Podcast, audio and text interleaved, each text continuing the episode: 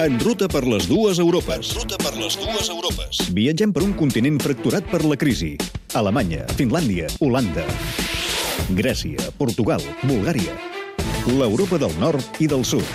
Quan falten pocs dies per les eleccions europees, Cèlia Cernades i Sergi Roca ens expliquen què hi passa.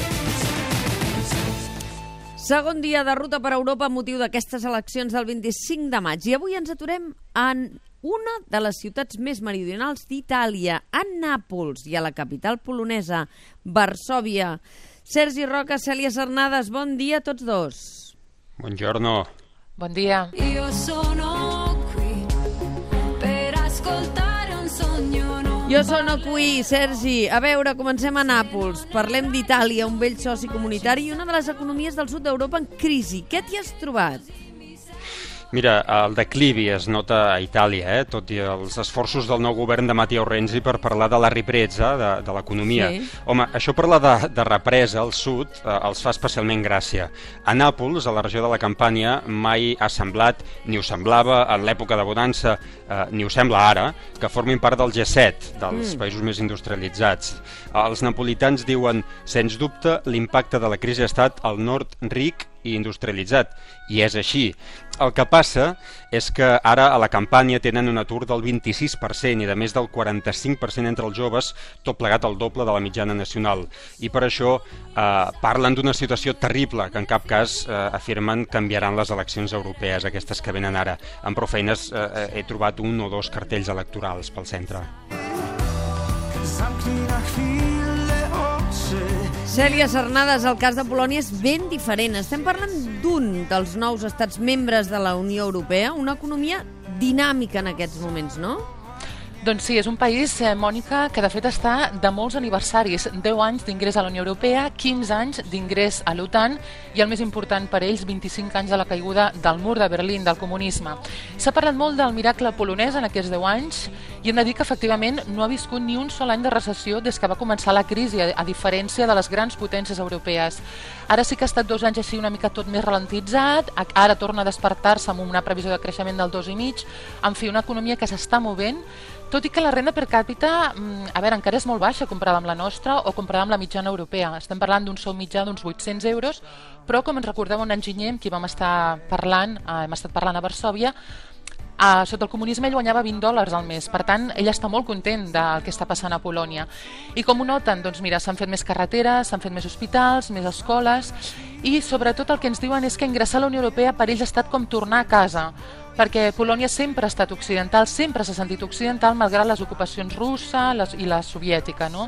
Per tant, què diuen els polonesos? Ara podem viatjar, podem demanar beques Erasmus, no necessitem visats, això és el que més, el que més destaquen, és una certa, un, sens, un cert sentiment de- d'eufòria. Però, Sergi i Cèlia, en la radiografia dels efectes de la crisi heu trobat eh, coincidències tots dos, tant a Polònia com a, com a Itàlia?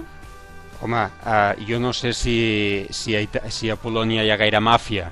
Um, clar, aquí, uh, en aquest cas a, Nàpols, la, la camorra uh, està agafant embranzida.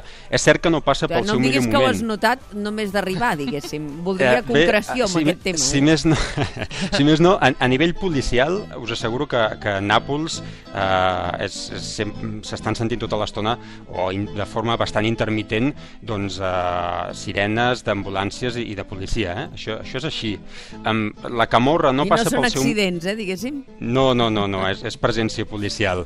La Camorra no passa pel seu millor moment, hi ha disputes internes, perquè, com m'explicava el fiscal antimàfia de- d'aquí, en els últims mesos han detingut els capos d'alguns dels principals clans.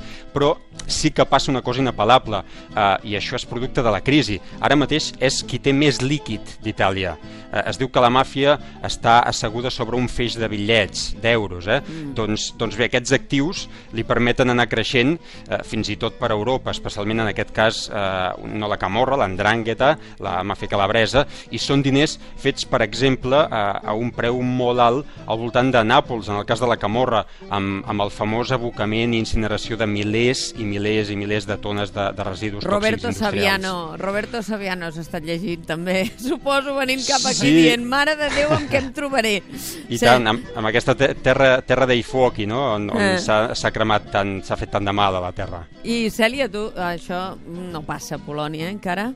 Eh, a veure, no que em consti a mi, tot i que ja sabem que eh, no, no, no podem gratar tant. Eh, hi ha altres poders fàctics, eh, ara en parlarem un moment amb el Sergi també, l'Església Catòlica és un poder fàctic. Sí. En el cas de Polònia, Això ho molt deveu haver important. notat tots dos, perquè tant a Polònia com a Itàlia la presència de l'Església Catòlica és, eh, diguem, estructural. Sí, a veure, Sí. en el cas de, de Polònia, per una raó històrica, eh, la- l'Església, a diferència d'altres països europeus, va ser un refugi per als polonesos durant el comunisme, un refugi de la, de la llengua, un refugi de la cultura, de la literatura, dels intel·lectuals. Per tant, és un paper que encara encara pesa avui, aquesta influència, aquesta autoritat moral, tot i que la jerarquia més ortodoxa i més rància s'està aliant amb, amb l'euroscepticisme, en aquest cas amb Jaroslav eh, Kaczynski, que és el que representa l'euroscepticisme en aquesta Polònia tan, tan proeuropea. També val la pena destacar una cosa, que mm, malgrat aquest miracle econòmic que estàvem parlant de Polònia, mm. durant aquests 10 anys, Polònia, eh, si recordeu, quan va entrar a la Unió Europea, era un dels, es deia, és el país més gran de l'antic bloc de l'est, un país molt poblat, ha perdut població en, aquest, en aquests anys, dos milions de polonesos han marxat cap a la Unió Europea, és aquell famós eh, fenomen del lampista polonès que se'n va parlar molt a França i a la Gran Bretanya, i ara, per exemple, aquest fenomen s'està frenant. Vale? O sigui, eh, ja està havent un canvi a Polònia i això també està relacionat amb l'Església. L'Església està fent front ja a nous fenòmens, com per exemple els joves demanen què passa amb l'avortament. No? I això suposo que a Nàpols la presència de l'Església no és tan clara com a Roma, però No. és evident que, que sí que forma part de, de la cultura identitària d'aquest país, no? I, I tant, i tant. Hi ha una diferència clara entre el nord i, i Roma, la ciutat del Vaticà, el papa, no? més tradicional. Uh, el que passa que a Nàpols és, es pot dir que, que hi ha molta presència de, de l'Església, però a, a nivell pagà, no? és Mhm. més pagana. El culte als morts, uh, amb calaveres, fins i tot, per exemple, a l'Església de l'ànima del purgatori. Uh, Has de tant al sortir nord... ràpidament cap a Nàpols, eh? Ara m'explicaràs cap on vas demà, eh, Sergi? Perquè estic amoïnada entre la camorra i les calaveres, noi. Estic Sí, a punt però, d'enviar-te un equip d'evacuació. Sí, però, però aquí eh, encara afegiré un, tercer, un tercer element, eh? no, no patiu, però hi ha el tercer element que és el dels tifosi, no? Eh, Sí. clar, és- aquí la religió, de veritat, en, en, en aquest país, o l'altra religió, que aquesta sí que atrau gent eh, al, als, al centre de culte, com seria l'estadi, i no pas a les esglésies, que estan més aviat buides, eh, doncs és el calcio. Eh, I això equival moltes vegades a tifosi, això equival moltes vegades a, a, a màfia. No sé si vau veure el que va passar a la Copa d'Itàlia eh, dissabte, que jugaven el, el Nàpols i la Fiorentina. Doncs mm, abans del partit hi va haver tres ferits de bala del Nàpols i es va estar a punt de suspendre el partit. Doncs bé, aquí va aparèixer eh, un home, Gennaro Tomaso, conegut com a Carronya, i fill d'un dels capos de la Camorra, que és qui va decidir, increïblement va ser ell que, que jugués el partit. No els jugadors, ni el primer ministre Renzi, que, que s'ho mirava amb, amb cara de, de què està passant eh, des de la grada. Eh, no, els tifosi. Els tifosi. I, I la Copa va acabar a Nàpols, eh, això sí. Escolta, abans no us pregunti cap a on aneu demà i on us trobaré. Cèlia, aquí a Polònia, eh, has viscut d'alguna manera els efectes d'aquesta crisi amb Ucraïna i les tensions amb Rússia? Clar, a veure, a Polònia, a diferència d'Itàlia, va formar part del bloc de l'est, sap perfectament què vol dir eh, que l'ocupin eh, els russos en dos vegades a la seva història. I per tant el que ens diuen és, per favor, com més lluny de Moscou millor. I la segona cosa és, ara veieu el que Polònia us ha estat dient durant tot aquest temps, no? és a dir, una mica, escolteu-nos una mica més que sabem de què parlem. I us estem dient que eh, Rússia, ens deia la gent, pot ser un imperi molt agressiu, nosaltres ho sabem i a veure si Europa us adoneu ja d'una vegada i enfoqueu les vostres relacions cap a l'antiga Europa de l'Est i cap a l'ex-Unió Soviètica d'una altra manera.